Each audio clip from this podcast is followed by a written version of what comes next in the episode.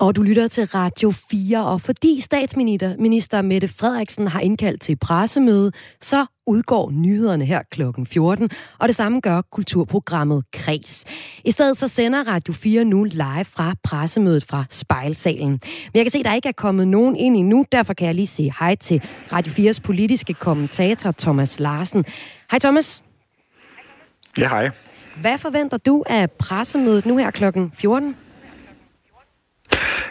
Der er ingen tvivl om, at der vil blive indført en stribe nye restriktioner, og det vil selvfølgelig ske i lyset af de her alarmerende nye øh, smittetal, som vi er vidner til dag for dag. Altså, der viser, at øh, smitten simpelthen stiger med raketfart. Og jeg tror, man kommer til at skride ind fra regeringen og Folketingets øh, side i forhold til mange af de steder, hvor der er mange mennesker forsamlet, og det vil sige, det er nok noget med biografer, forlystelsesparker, teatre osv., og nu, Thomas, der jeg bliver se, tvunget at, til en form for nedlukning. Mette Frederiksen er på vej ind.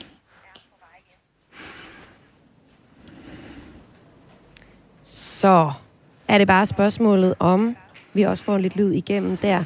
Ja, vi sender altså her på Radio 4 lige nu fra spejlsalen, hvor Mette Frederiksen kommer ind nu og holder pressemøde.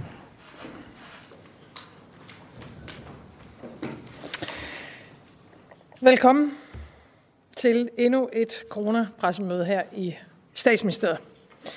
Det seneste døgn er mere end 11.000 danskere konstateret smittet med corona. Det er det højeste niveau på noget tidspunkt i epidemien. Der er mere end 500 indlagte. Og de seneste data viser, at den nye variant omikron udgør hver femte af alle smittetilfælde.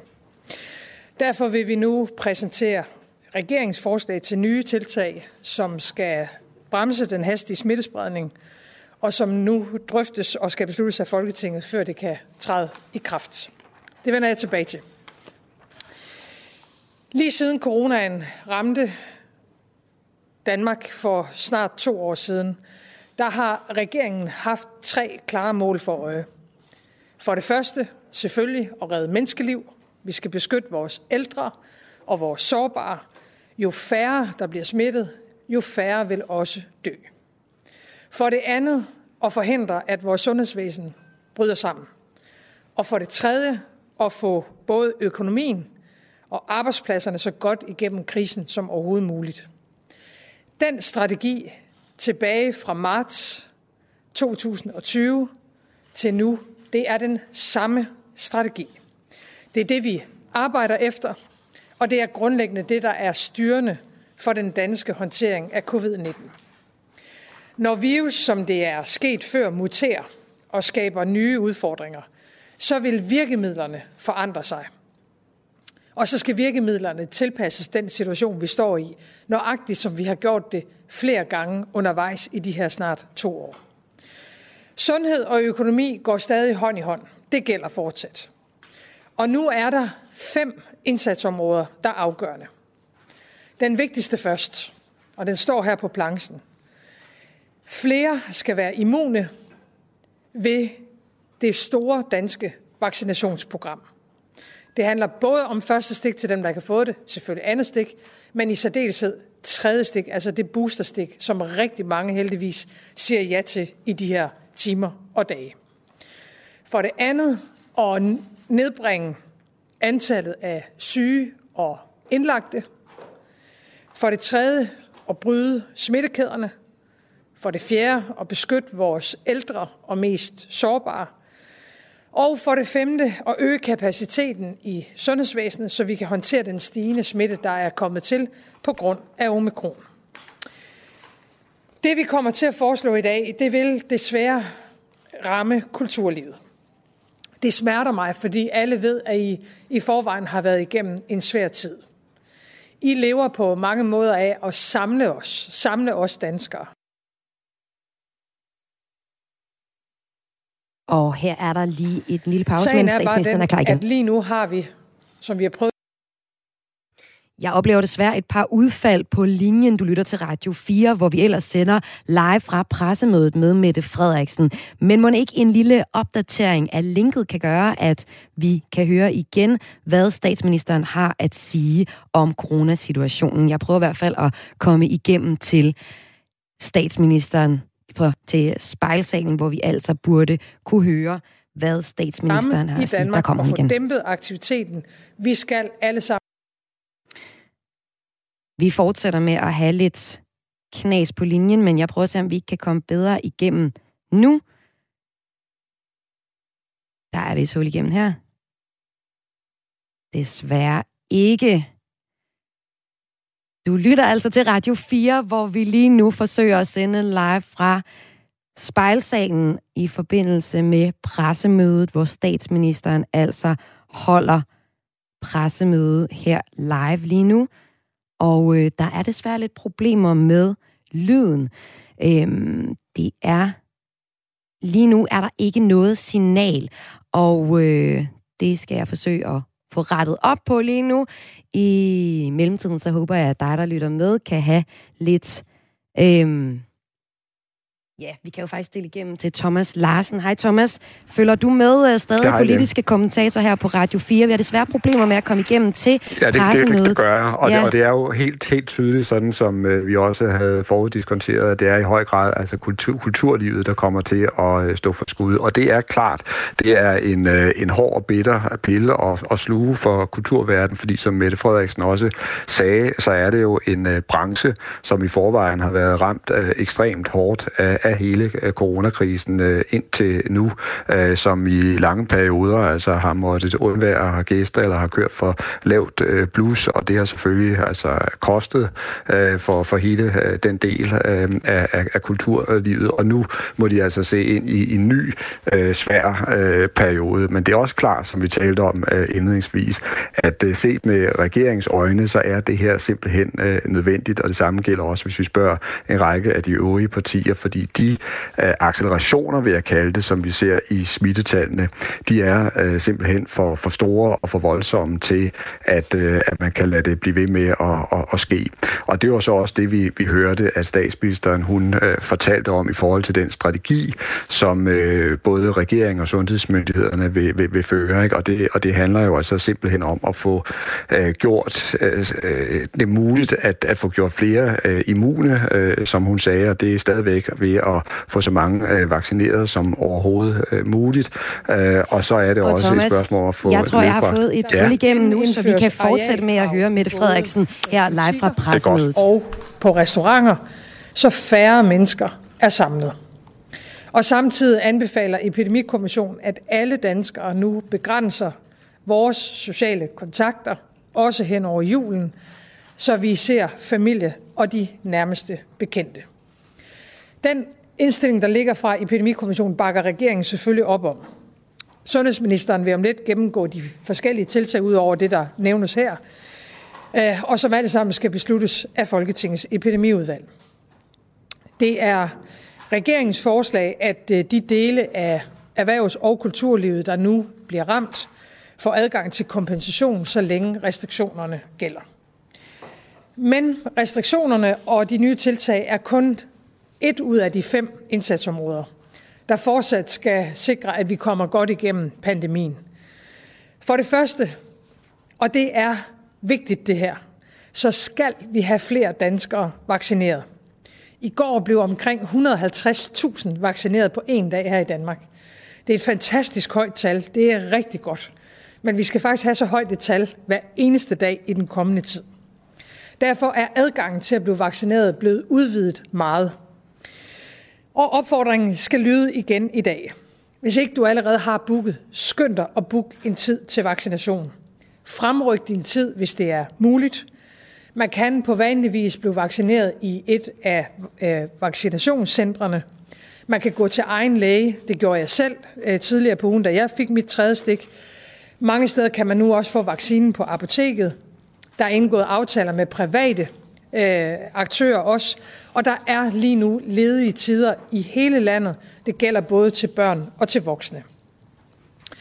Tak til alle jer, der er blevet vaccineret, som har fået tredje stik, eller som nu alligevel er kommet med og har fået det første stik. Og tak til alle jer børnefamilier, der har valgt at lade jeres børn vaccinere. For det andet så arbejder øh, både læger, farmaceuter og forskere hele tiden på, at behandlingen af corona er så god som overhovedet muligt.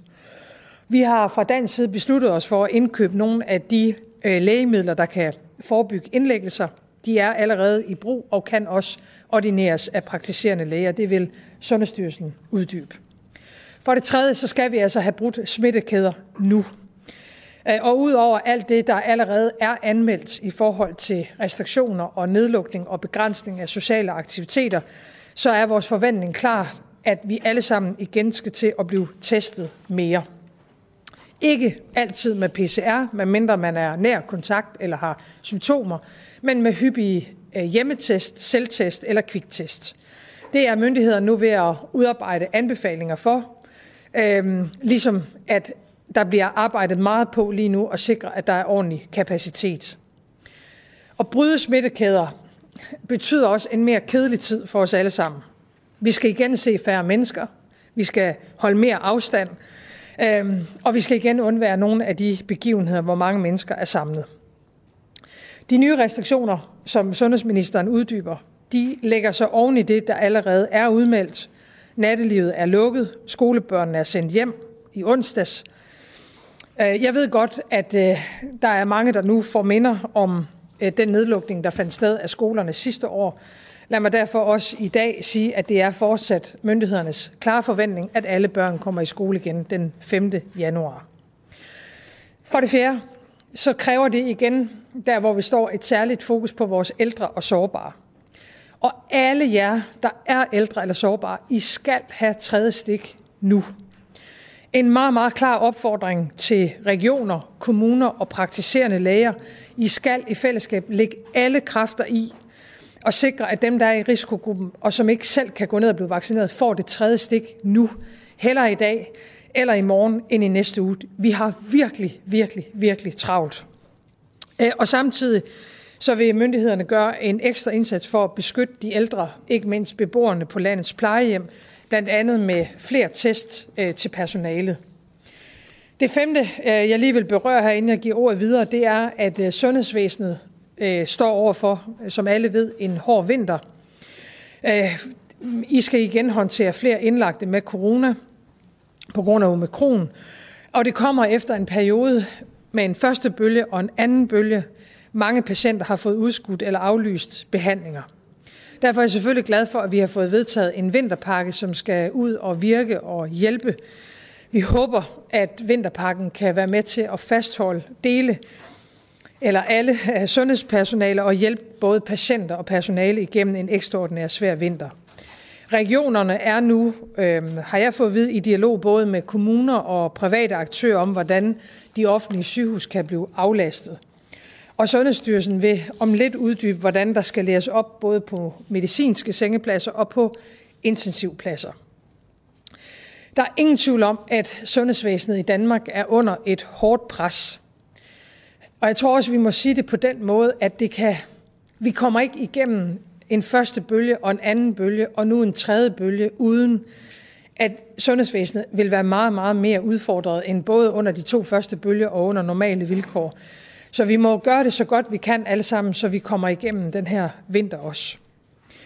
Den indsats, jeg netop har redegjort for, den skal sikre de tre mål, der hele tiden har været den danske strategi. Vi skal blive ved med at redde hinandens liv. Vi skal undgå en for stor belastning af sundhedsvæsenet, og så skal vi sikre dansk økonomi. Det er samtidig en indsats, der tager udgangspunkt i de anbefalinger og de forskellige hensyn, som uafhængige eksperter har givet regeringen. Og derfor vil jeg gerne afslutningsvis ret en meget klar appel til alle Folketingets partier om, at I i dag bakker entydigt op om myndighederne. Vi står igen i en kritisk fase af håndteringen af corona. Jeg er ikke i tvivl om, at det har en stor betydning for den samlede epidemikontrol, hvis Folketinget i dag kan gå ud i samlet flok og enighed om at løfte det ansvar, der påviler os hver især. Det var min indledende ord, så giver jeg ordet videre til sundhedsministeren. Værsgo. Ja, tak for det. Øhm, ja, øh, det er omikron-varianten, som øh, vores fokus er på. Vi har altså en, øh, Øh, en epidemi i øh, epidemien, og det, øh, vi ved meget præcis, hvornår den kom til Danmark. Vi kan se, at det første danske tilfælde af omikron blev fundet for, ja, det, vi er faktisk på 25 dage siden nu, at den, at den blev fundet, og nu er vi på et tal, der hedder, at i alt 11.559 mennesker i Danmark har haft øh, smitten, eller har den øh, stadigvæk. Det tal er steget bare det sidste døgn med 2.550. Det vil sige, at vi har altså at gøre med øh, en meget mere smitsom epidemi i epidemien med den her øh, omikron-variant. Øh, det betyder også, at der er nye spilleregler. Øh, den har mere spredningspotentiale, særligt superspredningspotentiale til de her superspredningsbegivenheder, vi desværre også har set øh, i Danmark, og man ser rundt omkring i hele verden nu her. Vi ved også, at vi har noget mindre øh, immunitet øh, i forhold til den, og så ved vi endnu ikke, hvor alvorlig omikronvarianten vil være over for de, vores ældre, vores øh, særligt sårbare øh, borgere her. Men de her øh, nye spilleregler betyder også, at strategien er den samme, men der skal nogle flere værktøjer øh, i brug her. Vi skal blandt andet i højere grad gøre brug af hjemmetest. Det gælder altså også mennesker, der er øh, vaccineret. Øhm, øh, og vi skal også alle sammen hjælpe med til at, og, øh, og, at stå for en stor del af smitteopsporingen. Jeg ved, der er mange, der hænger i telefonkøer, øh, og det vil sige, at det første, man, skal, man kan gøre, det er jo altså lige at ringe til dem, man ved, man har været sammen med, og få dem til at, at, at få en test, når man, øh, hvis man, man får øh, en, en positiv, øh, en positiv øh, test. Og så selvfølgelig vigtigst af alt, det er de fremrykninger af boostervaccinerne, som er blevet øh, gennemført i de senere, øh, de senere uger her. Så strategien er altså selvfølgelig den samme. Danmark trygt og sikkert igennem den her vintersæson øh, med øh, omikron, og selvfølgelig også med delta-varianten, men nu er det omikron, som er den, der vokser jo klart, klart mest. Og det vil sige, at det vi skal, det er, at vi skal styrke immuniteten, og vi skal styrke kapaciteten. Immuniteten i os alle sammen, det gør vi ved vores øh, stærke øh, vaccineindsats, hvor vi i de her dage faktisk slår Danmarks rekorder med at få vaccineret øh, så mange hver dag. Øh, og styrke kapaciteten i sundhedsvæsenet, jamen det er jo for at sikre, at vi er rustet også til den forventning om, at der vil komme flere patienter, dels på intensiv og dels også med, med kortere indlæggelser, og alt det skal vores sundhedsvæsen jo skulle øh, øh, håndtere, så vi er klar til et større pres. Præcis hvor stort et pres, øh, der kommer på sundhedsvæsenet, det kan vi jo ikke sige med sikkerhed. Det er helt afgørende, hvad vi gør alle sammen i de her dage og i de her uger, for at sikre, at sundhedsvæsenet øh, kommer igennem. Øh, og det er også derfor, vi har de her forslag til restriktioner.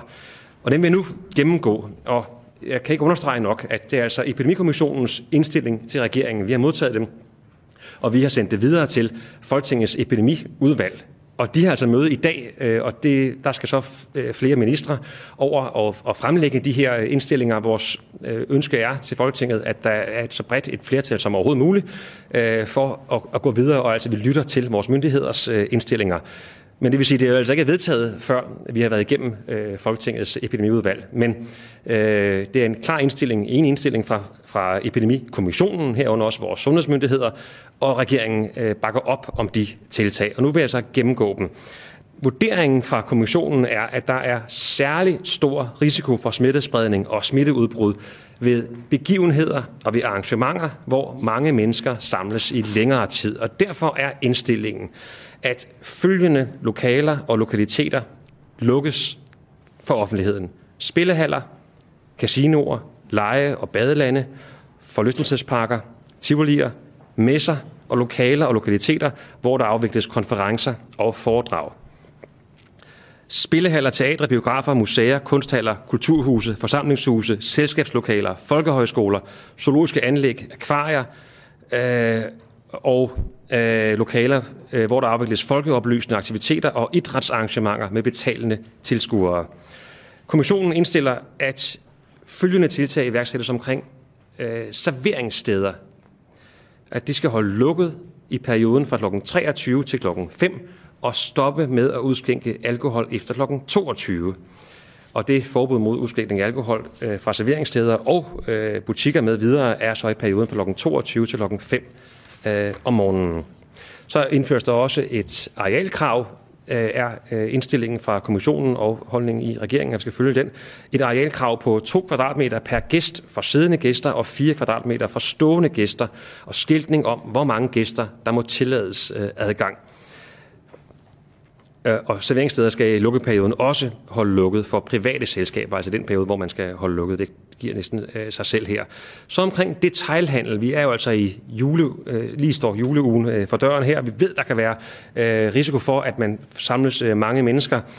Derfor er indstillingen, at der indføres indendørs arealkrav og skiltning om, hvor mange kunder, der må tillades adgang i hele detailhandlen. Og de krav de er forskellige alt efter, hvor stor en butik vi har med at gøre her. Øh, og så også, også en klar opfordring, og der er enormt flot arbejde af, øh, af hele øh, branchen for at gøre, hvad der er muligt for at undgå sammenstimling, undgå altså køtilbud og, og sørge for, at, at man altså spreder kunderne, øh, kunderne ud. Også forlænge byttefristen for julegaver. Så nogle ting, hvor vi ved erfaringsmæssigt, her kan der stemme mange mennesker sammen. Kæmpe opfordring til, at man hjælper med det. Øh, og det har man været meget, meget god til øh, tidligere. Det har vi simpelthen brug for igen. Så omkring arbejdspladser, der er indstillingen, at offentlige og private arbejdsgivere opfordres kraftigt til at sikre, at medarbejdere, der har mulighed for det, øh, og bare tage arbejdet hjemme uden fysisk fremmøde på arbejdspladsen, også gør det.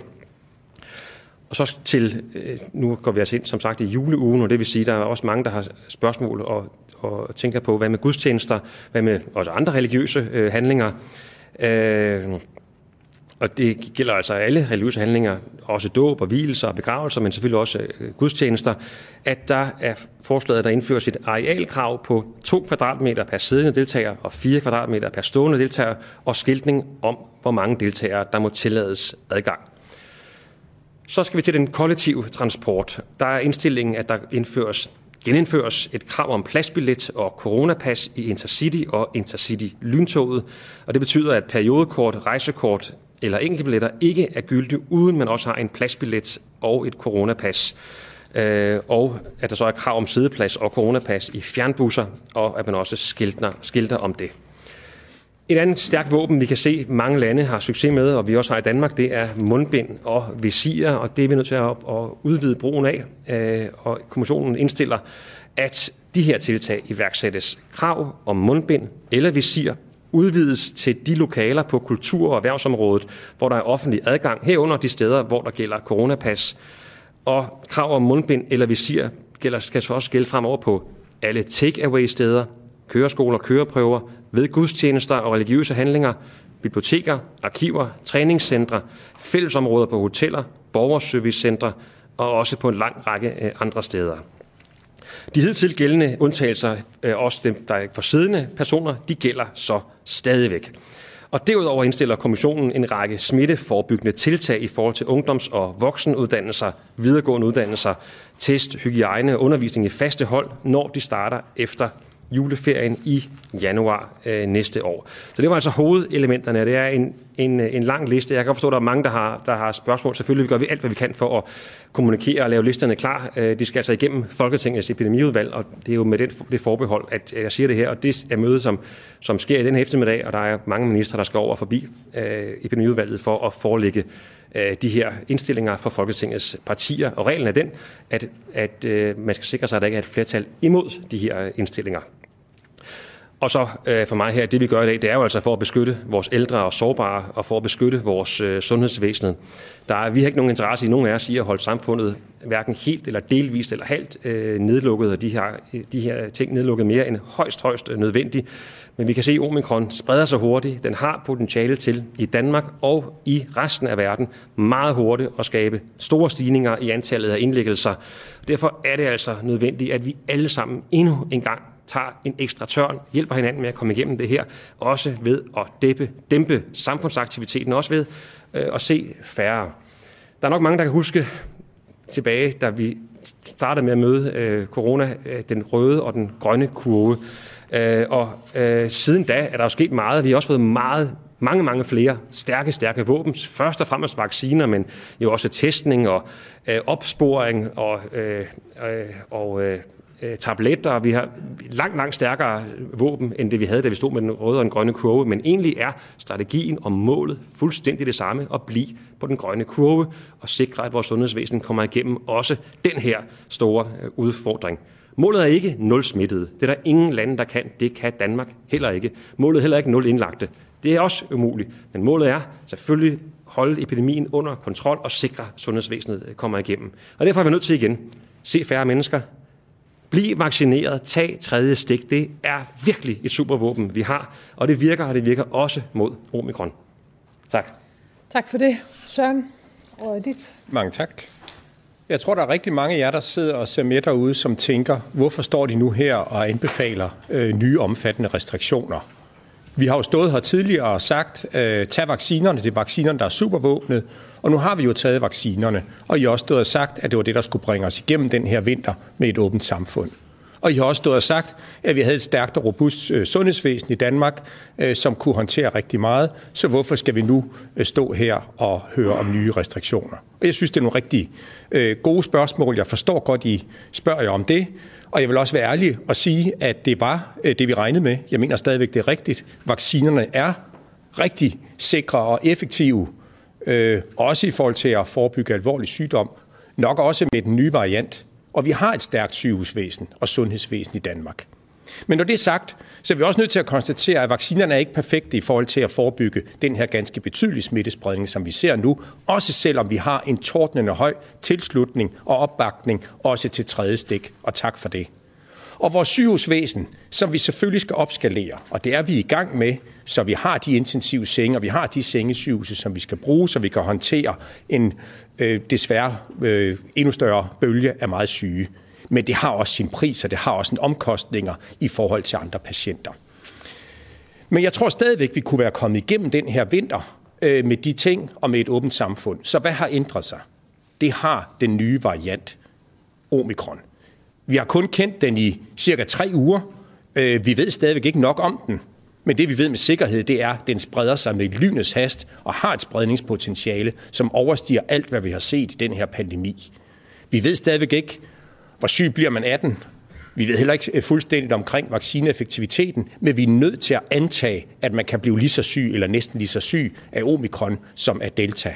Og derfor er vi nødt til at lægge et ekstra lag af restriktioner nedover, simpelthen for at tage toppen af den meget hastige smittespredning. Det vil være uansvarligt andet end at anbefale yderligere restriktioner fra vores side. Det er derfor, vi gør det, og det er jo også det, der sker i vores nabolande. Og det er vi nødt til at gøre, samtidig med, at vi kører videre i optimeringen af vaccinerne. Og det kan være, der kommer yderligere justeringer der, samtidig med, at vi arbejder benhårdt for, at sygehusvæsenet er klar. Så er vi nødt til også at gøre noget for at reducere den samfundssmitte med omikron, som vi har i Danmark.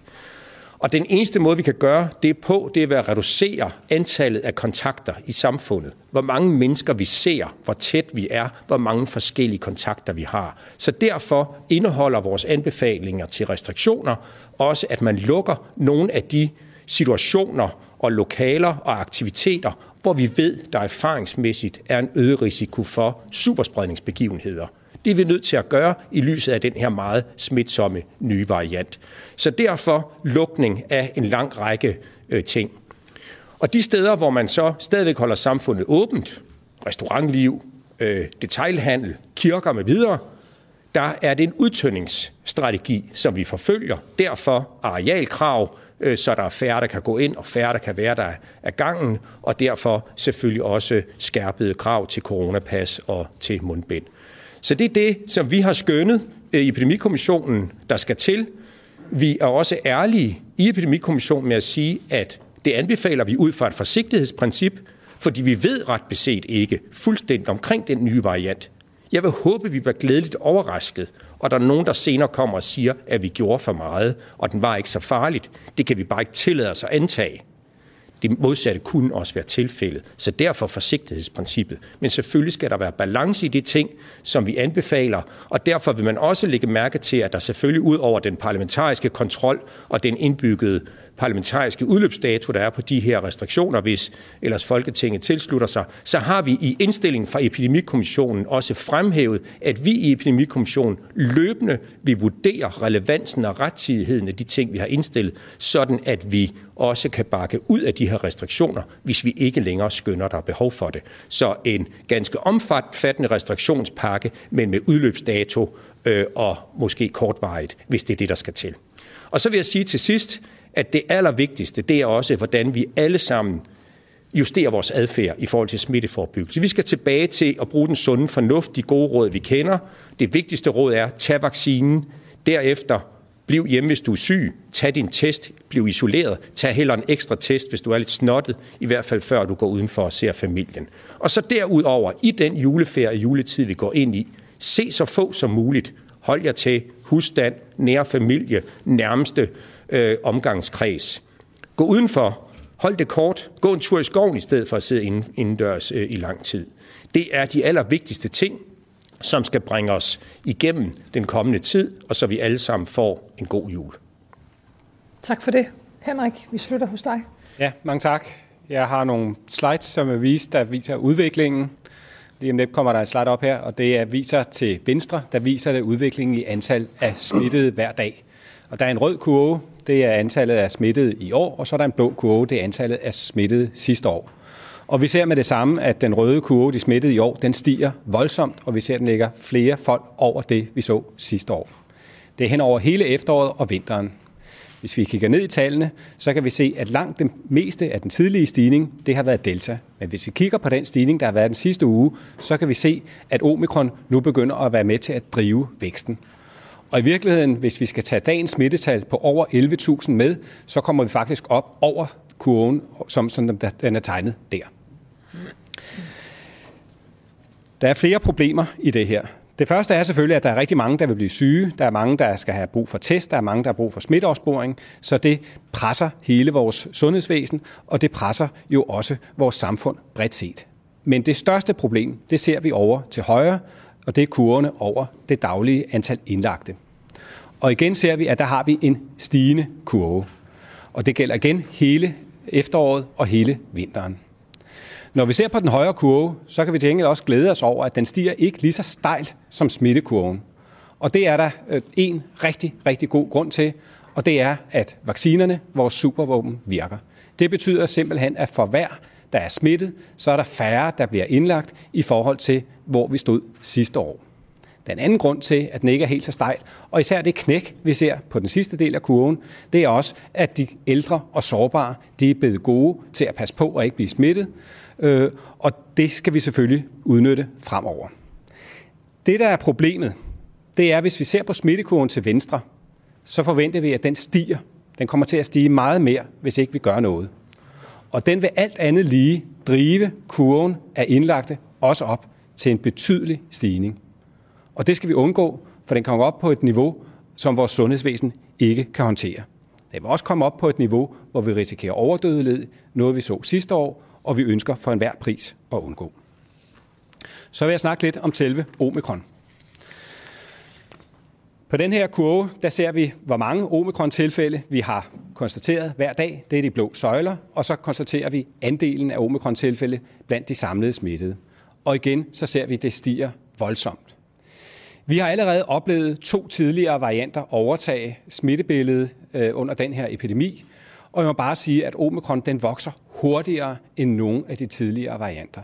Den har cirka en fordoblingstid i det danske samfund på omkring to dage. Det er en meget, meget voldsom vækst, og den har vi brug for at få dæmpet. Så kan man sige, hvorfor kan omikron vokse så hurtigt? Det kan den af to grunde. Det kan den dels fordi den ser ud til at være mere smitsom, og dels for, fordi den desværre er bedre til at smitte os, når vi er vaccineret, øh, især hvis vi kun har fået to stik, øh, noget mindre grad, hvis vi har fået tredje stik. Der beskytter vaccinerne altså til sydenlandet stadigvæk noget mod infektion. Hvis vi så kigger ned på, hvem er det, der er blevet smittet, så kan vi se, at det er især øh, yngre voksne. Det er 20-29-årige. Det er især i Storkøbenhavn. Vi kan se, at det er en smitte, der er præget af, at der har været nogle store superspredningsbegivenheder. Og det er også en smitte, der har været præget af, at rigtig mange ikke ved lige præcis, hvem der har smittet dem.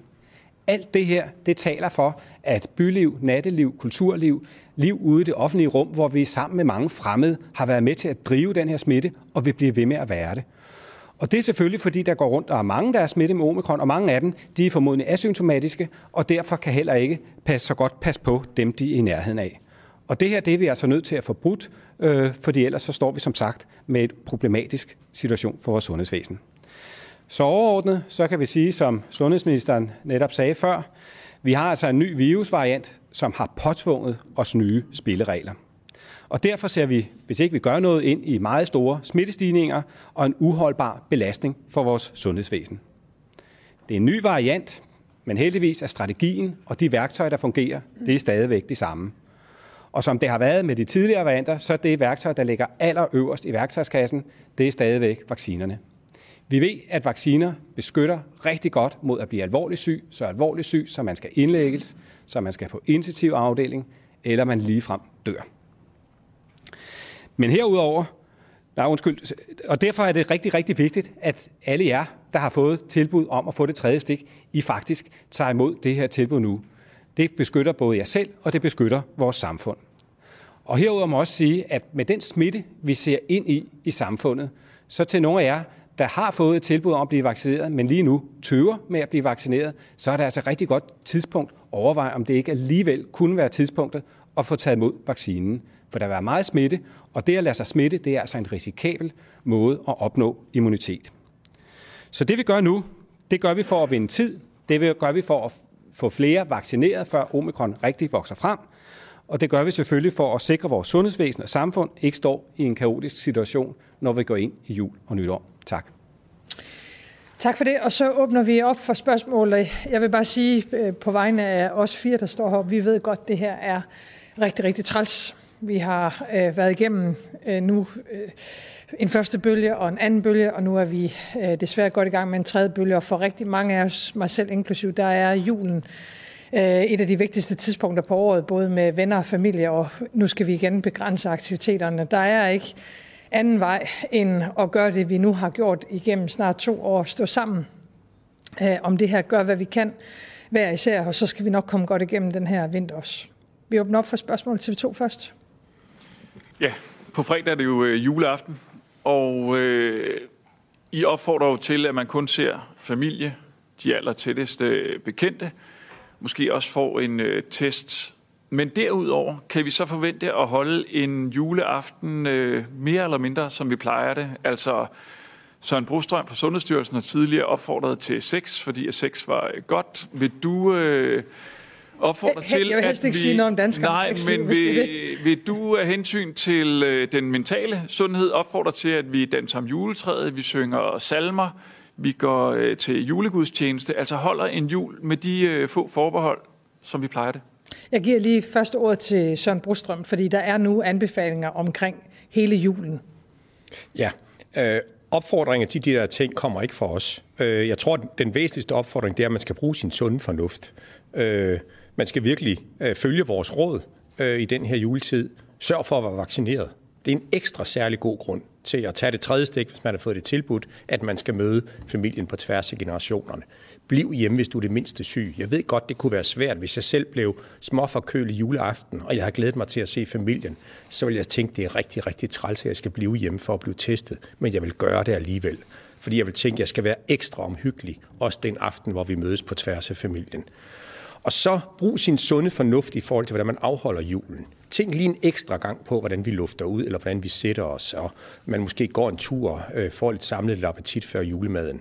Men vi kommer ikke til at have lige så detaljerede anbefalinger, som vi havde sidste år som Sundhedsstyrelse hvor vi jo kom med Sundhedsstyrelsens pjæse til, at når vi gik rundt om juletræet, så skulle vi ikke holde i hånden, og vi skulle bare nynne med på højt fra træets grønne top. Det kommer vi ikke til at gøre for Sundhedsstyrelse, som Sundhedsstyrelse, fordi jeg tror simpelthen ikke, det er nødvendigt for os som myndigheder i år at komme med så detaljerede instruktioner ind i privatlivet, fordi befolkningen i det her land har lært os at leve med den her virus og har lært at forebygge smitte. Så derfor primært en anbefaling til at bruge sin sunde fornuft. Se færre, mødes udendørs, mødes kortvarigt, luft ud, blive vaccineret. Det er sådan nogle ting, som vi kommer til at holde fast i. Julegudstjenesterne øh, bliver jo mulige, og det fremgår også af det, vi har, altså forudsat Folketingets øh, beslutninger, men i hvert fald den indstilling, der kommer fra Epidemikommissionen, er der jo restriktioner på øh, kirken. Nogle var der i forvejen, coronapas, der kommer mundbind, når man står og går, øh, og der kommer arealkrav, så der er grænser for, hvor meget der kan samles. Men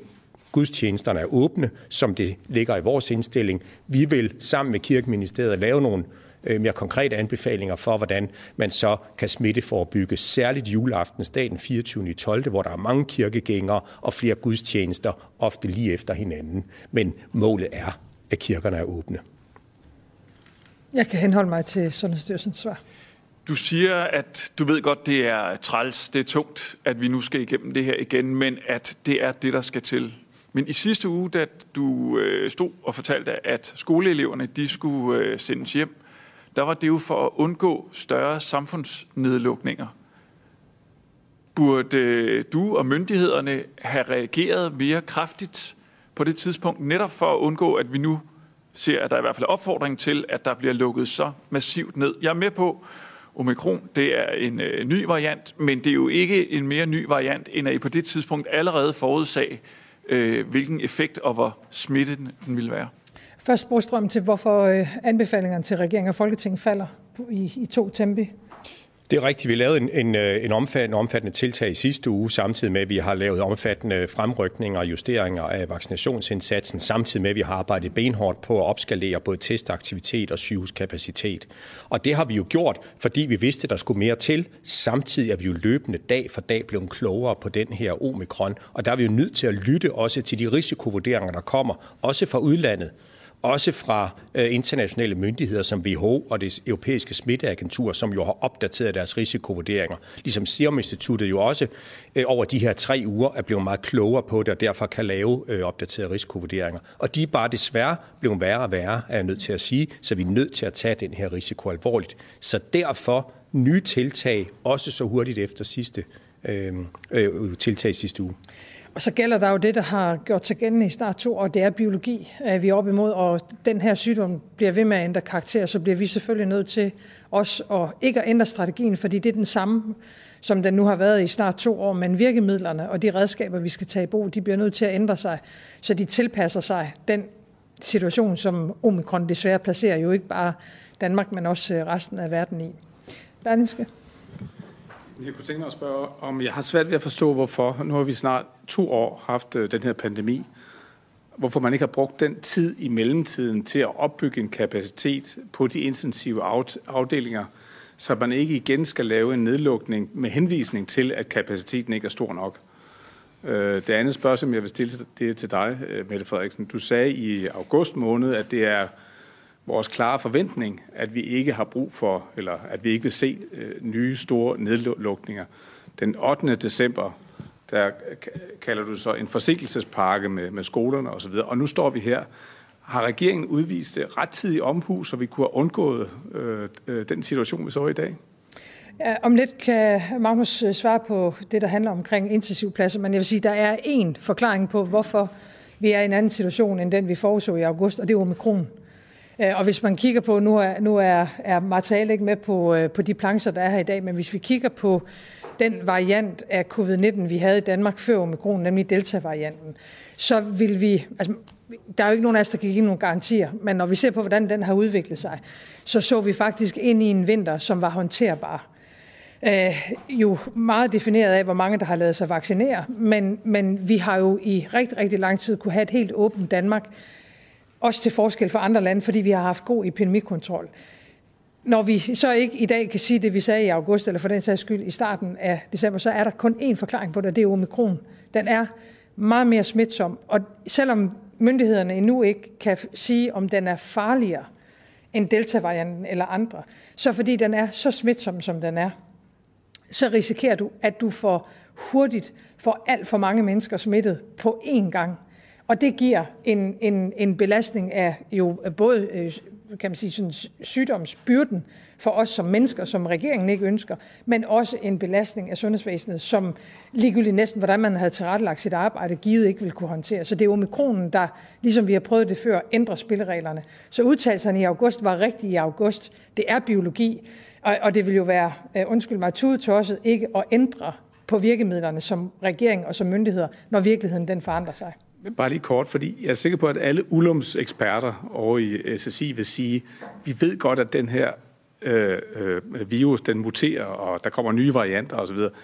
Der har også været eksperter frem her øh, for nylig sagt, at vi ved godt, at, at det er sådan, den opfører sig, så, så, så, så man kunne vel godt have forudset, at, at man kunne komme i den her situation. Nu giver jeg i første omgang ordet til sundhedsministeren i forhold til intensivkapacitet, og så Ulum efterfølgende til Øh, og sige det, som jeg i hvert fald har hørt fra flere, nemlig at vi har ikke set en så smitsom variant, som den vi oplever lige nu for omikron, og det havde ingen mig bekendt kunne forudse. Men sundhedsministeren først. Ja, ja tak for det. Øhm, der, er, der er ingen tvivl om, at medarbejdere og hele vores sundhedsvæsen er ekstremt presset, og der er også udmattelser i vores sundhedsvæsen blandt vores medarbejdere. Det tror jeg også mange af jer medier har lavet rapportager om. Og hvis I så læser jeres kolleger i udlandet, i hele Europa, i hele verden, så vil I se nøjagtigt det samme, der er. Der er ikke nogen landes sundhedsvæsener, som, som ikke er mærket efter næsten to år med den her pandemi. Det er det danske også. Og noget af det, vi så har gjort, jo, ja, vi har jo faktisk ansat de her tusind flere sygeplejersker, som var, var et stort øh, vigtigt løfte for os. Det har vi faktisk fået gjort.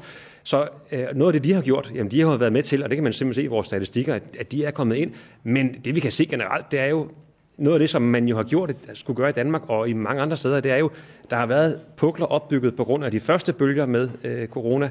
De pukler har man skulle, så snart, så snart presset fra coronapatienter forsvandt, så har vi skulle have de pukler, hvor vi, hvor, som, som skal håndteres. Så derfor så er det, der er ingen tvivl om, det er, du har helt ret i, at, at det er presset. De medarbejderne gør en kæmpe indsats. Men at de har siddet på panden, det havde de i forvejen, med så sige, men at de har meget siddet på panden i det danske sundhedsvæsen, og alle deres kolleger, det er ingen hemmelighed. Og jeg, jeg synes, det er heller ikke nogen hemmelighed, at hvis du så ser, hvordan både medier og befolkninger i hele verden siger tak til medarbejdere i sundhedsvæsenet, fordi de er der for os døgnet rundt, året rundt, også i en pandemi, men også hvor det går rigtig ondt. Jamen, øh, det siger vi også i Danmark tak til, fordi det, det er det, der er, det, der er vilkårene. Helt konkret har vi så lavet, øh, for, lavet øh, planer for at opskalere, og det er på to fronter primært. Del det er intensivkapaciteten, hvor der er planer for at opskalere den. Målet er jo ikke, at vi skal op og have mange flere intensivpatienter.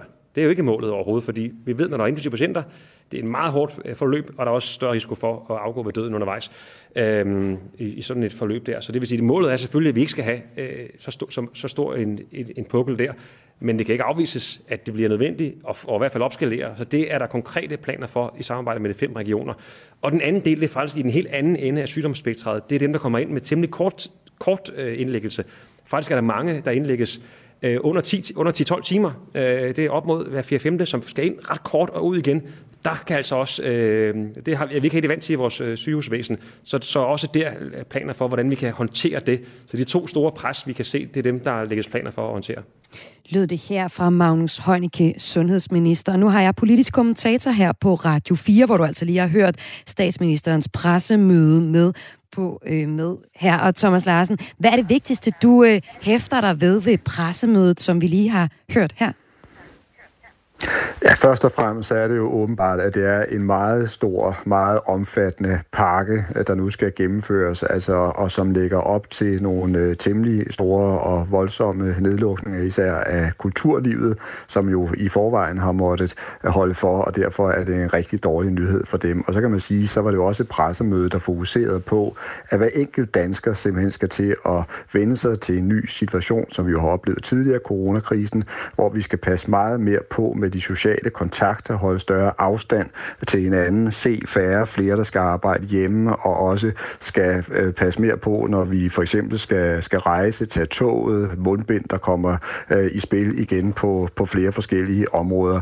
Så det er jo også et eksempel på det her, og et tegn på, at øh, myndighederne og regeringen har måttet indse, at det her håb, man havde for kort tid siden om, at man kunne køre sådan relativt øh, øh rimeligt igennem øh, den den, den nye krise, uden alt for store nedlukninger og uden alt for store restriktioner, at de forventninger er blevet meget skuffet. Og den afgørende forklaring på det, det er jo simpelthen, som vi også hørte på pressemødet, at den nye variant er ekstremt smitsom.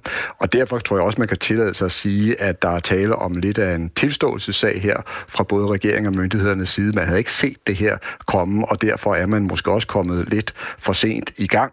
Det hører så også med for at bevare proportionerne her, at nøjagtigt den samme situation ser man rundt om i en masse andre lande. Altså det er simpelthen kommet bag på landene, hvor, hvor smitsom den nye variant er. Ja, det øh, vi hører, det er jo sådan set, at øh, mange af de anbefalinger, der kom til regeringen, jamen dem har de valgt at øh, følge og bakke op om. Så det er kulturlivet og det er erhvervslivet, der bliver på mange måder bliver lukket ned.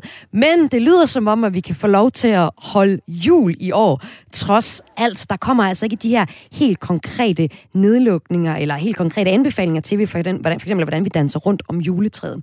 Men steder, hvor der er kommet meget konkrete anbefalinger, det er i forhold til erhvervslivet. Og med mig har jeg lige nu fra erhvervslivet øh, Brian Mikkelsen, der er direktør i Dansk Erhverv. Hvad er din umiddelbare reaktion på det, vi hørte på pressemødet her, Brian Mikkelsen?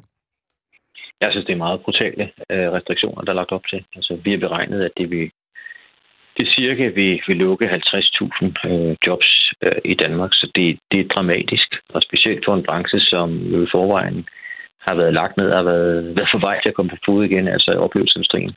Det er kultursektoren, der er ramt. Det er, det er restaurationslivet og så videre. De, de er meget, meget hårdt ramt. Så det, det er brutalt, og det er men, men, øh, men Brian Mikkelsen, det er jo ikke sådan, at vi ikke kan blive ved med at købe julegaver. Det er jo ikke fordi, at øh, magasin lukker ned, eller nogle andre øh, dele af detailhandlen sådan helt lukker ned. Der er stadig mulighed for at komme ud og købe de sidste julegaver og købe øh, julestein her inden den 24. på fredag. Øh, hvad gør I selv i, øh, helt konkret i forhold til anbefalinger med, hvordan at detailhandlen de øh, kommer til at praktisere de anbefalinger, der kom her på pressemødet? Nå, det er jo to øh, dele. Det ene del er, at man lukker en branche ned. Altså 50.000 jobs, der rører ned. Det er hele oplevelsesindustrien. Og de skal kompenseres øh, fuldt ud og gerne fra dag et med det samme, fordi man ekspropriativt lukker dem ned. Det kan vi faktisk godt forstå, fordi vi sammen skal bekæmpe øh, coronaen, og det kommer til at koste blod, sved og tårer, men vi skal nok komme igennem det. Detailhandlen, det kommer nogle øde, øh, eller mere restriktive arealkrav. Øh, dem øh, mener jeg faktisk godt, vi kan leve med. Øh, det svarer lidt til, da vi havde samme situation men en værre situation faktisk i foråret. Øhm, det kommer til at betyde, at der kommer færre ind i butikken. Det kommer til at koste butikkerne nogle, nogle penge. Øh, men man kan godt leve med det. Det er ærgerligt, men, men det kommer ikke til at ændre meget på de for, forbrugsmønstre, øh, som, som danskerne har. Så hvad er du mest bekymret for nu? Ja, det er, at man lukker en branche ned som oplevelseindustrien. Det er 50.000 jobs, som man lukker ned.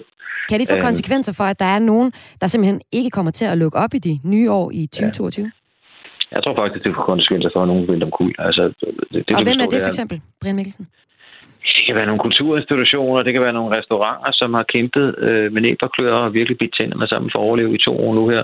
Og så er de endelig på vej op igen, og jeg kan næsten ikke bære at tænke på, at så, så bliver de altså sendt tilbage til, til start igen. Ikke? Altså det, det er meget hårdt og brutalt, og derfor er det meget vigtigt, at man fra det politiske system med det samme får sendt signal om, at de bliver 100% kompenseret og for date med det samme. Så de skal leve med den usikkerhed, men de ved, at de også godt kan åbne igen på den anden side. Lød det altså her fra Brian Mikkelsen, der er direktør i Dansk Erhverv. Tak fordi du var med her i Radio 4. Og øh, Radio 4 har lige sendt live fra pressemødet, hvor vi kunne blive opdateret på, hvad det er for nogle restriktioner, regeringen bakker op om. Regeringen vil lukke biografer og teatre blandt andet for at bremse smitten. Og netop teatrene, dem står I for. Lars Værge, velkommen til Radio 4. Ja, tak. Det er nu ja. biograferne, men det er fint. Nå, undskyld, biograferne selvfølgelig. Sorry, det var en fejl. Ja. Lars Værge, du er nemlig direktør for Danske Biografer, som er en brancheorganisation for alle biograferne. Din umiddelbare reaktion på pressemødet her? Ja, men øh, den bekræfter jo desværre det, som vi fik at vide tidligere på dagen. Øh, så, og, det, og da jeg hørte det første gang, det var lige før jeg ikke troede på det, øh, fordi biograferne jo har været uden de særlige restriktioner i, i hele efteråret her, og det har gået fint, så pludselig at gå til at skulle lukke. Det var et chok, øh, og det øh, begynder at gå op for, for os nu, hvad det kan, kan medføre på sigt. Ja, hvor stor er julen for de danske ja. biografer, Lars Værge? Jamen, man plejer at sige, at den bedste uge for biograferne sådan samlet set, det er uge 42, altså skolernes efterårsferie. Øh, og, og det næstbedste, det er så juleugen, og det ligger sådan nærmest på niveau. Vi havde jo, øh, altså vi, vi, vi har haft mange familier, der har haft en tradition om at gå i biografen første anden juledag, eller et eller andet den stil, og se en en årets premierefilm. Den, den uh, tradition uh, er de jo ved at komme ud af nu, fordi vi har jo altså også lukket for, uh, for sidste jul uh, for biograferne, og derfor uh, er, er det da svært. Det er jo det er en meget, meget, uh, det er en, uge, en uge, eller det er en periode her, og resten af året, hvor der traditionelt vil være mange i biograferne. Og Lars Værge, nu vil så sige, at biograferne er truet på flere fronter, fordi det er rigtig mange af os, vi streamer også, og øh, er måske begyndt at få nogle nye juletraditioner, hvor vi ser Love Actually derhjemme, i stedet for at gå i biografen og se Spider-Man-film, som fik premiere her den anden dag. Hvordan er det gået med biograferne i forhold til at, at lukke op igen her i øh, efterårssæsonen? Jamen, det er faktisk gået godt. Øh, jeg talte lige med dem, der distribuerer SF Studios, der distribuerer Spider-Man, og den her premiere i går, der var 30.000 ind og se den i, i, i Danmark i går. Det er altså en meget, meget stærk øh, åbning på en, øh, på en film i de danske biografer. Så det understreger det, som vi også så øh, i løbet af efteråret med først øh, Ternen Ninja 2, der kom i august måned, og derefter kom øh, James Bond. De to film til sammen har solgt mere, øh, omkring 2 millioner billetter øh, i løbet af efteråret. Det viser jo, at når vi har filmene, så kommer øh, gæsterne også gerne i biografen øh, og kommer igen. Så, så vi synes egentlig, at vi stod øh, os rimelig godt i den øh, konkurrencesituation, øh, eller en ændret markedssituation, som, som streamingtjenesterne jo et eller andet sted er udtryk for. Men det er klart, at, at jo mere biograferne ikke kan være til stede i folks bevidsthed, øh, jo sværere bliver det at komme tilbage. Det, det er der ikke nogen grund til at skjule. Hvad er værste konsekvens ved den her nedlukning? Jamen, for nogle af biograferne er konsekvensen, øh, at de risikerer at måtte dreje nøglen om. Fordi øh, mange af dem, altså man skal jo huske på, at der godt nok er kompensationsordninger, og det er så fint, og det er vi rigtig glade for de forskellige muligheder, der har været, og som forhåbentlig bliver genoplevet igen. Men men man kan ikke få alt kompenseret. For eksempel kan ejeren ikke få kompensation for, for løn, og direktionen kan heller ikke. Øh, og der er selvfølgelig også nogle udgifter, der ikke bliver dækket. Og det betyder, at mange af de biografer øh, har brugt af deres øh, egenkapital, eller måske har været i banken for at låne nogle penge, og det, det har jo en ende sådan noget. Øh, det, det, det ved enhver. Kreditorer har en, en vis tålmodighed. Og vi håber selvfølgelig, at de har tålmodighed igen med de biografer, som måtte, måtte have behovet. Men, men jeg frygter, at, øh, at vi vil komme til at se nogle af vores biografer øh, dreje noget om, hvis Så... det her bliver en længere øh, lukkeperiode end bare de fire uger. Sådan lød det her fra Danske Biografers Lars Værge. Og du lytter altså til Radio 4, hvor vi har sendt pressemødet her senest med de seneste opfordring til restriktioner. Regeringen de vil gerne øh, følge de anbefalinger, der kommer fra epidemi. Øh, kommer, og jeg, undskyld, og jeg har med mig, med mig igen Radio 4's politiske kommentator Thomas Larsen. Hvis folk nu lige er tunet ind på Radio 4 nu, hvad er det så det vigtigste, man skal tage, tage med sig fra øh, pressemødet her? Så er det jo, at vi skal tilbage til en øh, hverdag i krisens tegn, hvor vi bliver nødt til at holde markant større afstand til hinanden, altså at undgå for mange sociale øh, kontakter og i det hele taget passe meget mere på. Og så kan man sige, at den store og hårde nyhed, som vi også har hørt om, det er, at det især er kulturlivet, hvor mange mennesker er samlet, der for alvor må holde øh, for, og det er jo selvfølgelig en kæmpe omkostning for en branche, der i forvejen har været øh, i knæ. Og derfor er der heller ingen tvivl om, at øh, nøgleord ordet i forhold til den branche i den kommende tid, det bliver simpelthen at få lavet kompensationsaftaler, sådan så de stadigvæk kan holde øh, skruen i vandet og være klar den dag, der kan lukkes øh, op igen. Så regeringen følger altså epidemiudvalgets anbefalinger, og her efter mødet, så skal vi så se, om øh, alle anbefalingerne også bliver til noget. Hvordan ser det ud i forhold til at gennemføre alle de her mange restriktioner, som regeringen jo faktisk lige har præ- præsenteret?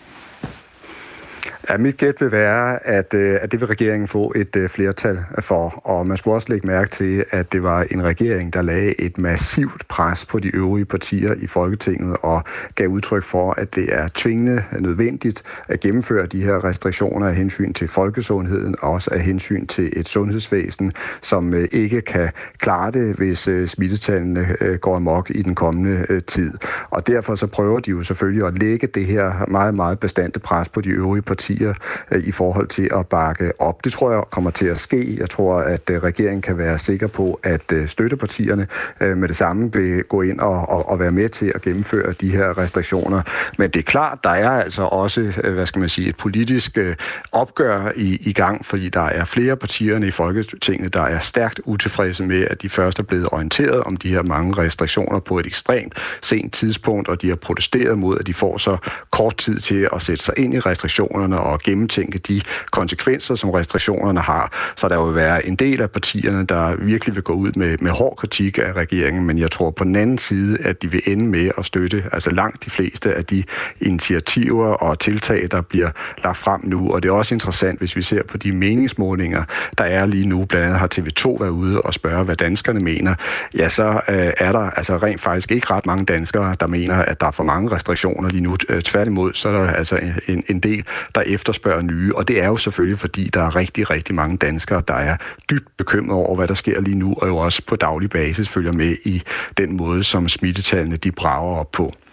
Ja, Venstre de bad lige her inden pressemødet om at få udsat mødet i epidemiudvalget, der var sat til klokken 13 med en time, så deltagerne ville have tid til at læse materialet, inden de skulle tage øh, stilling til eventuelle nye restriktioner.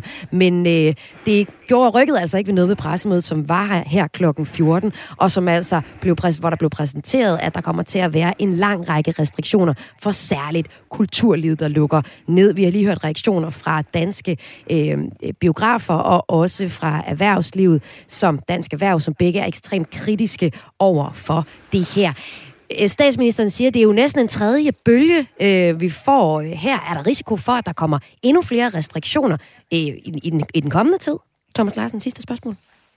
Det tror jeg ikke, man kan udelukke, fordi det er helt tydeligt, at for myndighederne, der er den her nye variant, altså en ny faktor, og de er også meget åbne i forhold til at sige, at de ved simpelthen ikke, hvordan den øh, udvikler sig. De håber jo, at, øh, at den øh, ikke er, kan man sige, lige så farlig, øh, som, øh, som øh, altså det, de ligesom går og, og undersøger i øjeblikket, det ja. er, om, om, om hvor, hvor, hvor syg man bliver af den, ikke? og det ved de ikke endnu. Øh, så og der sådan, er nogle kæmpe usikkerhedsmomenter stadigvæk. Sådan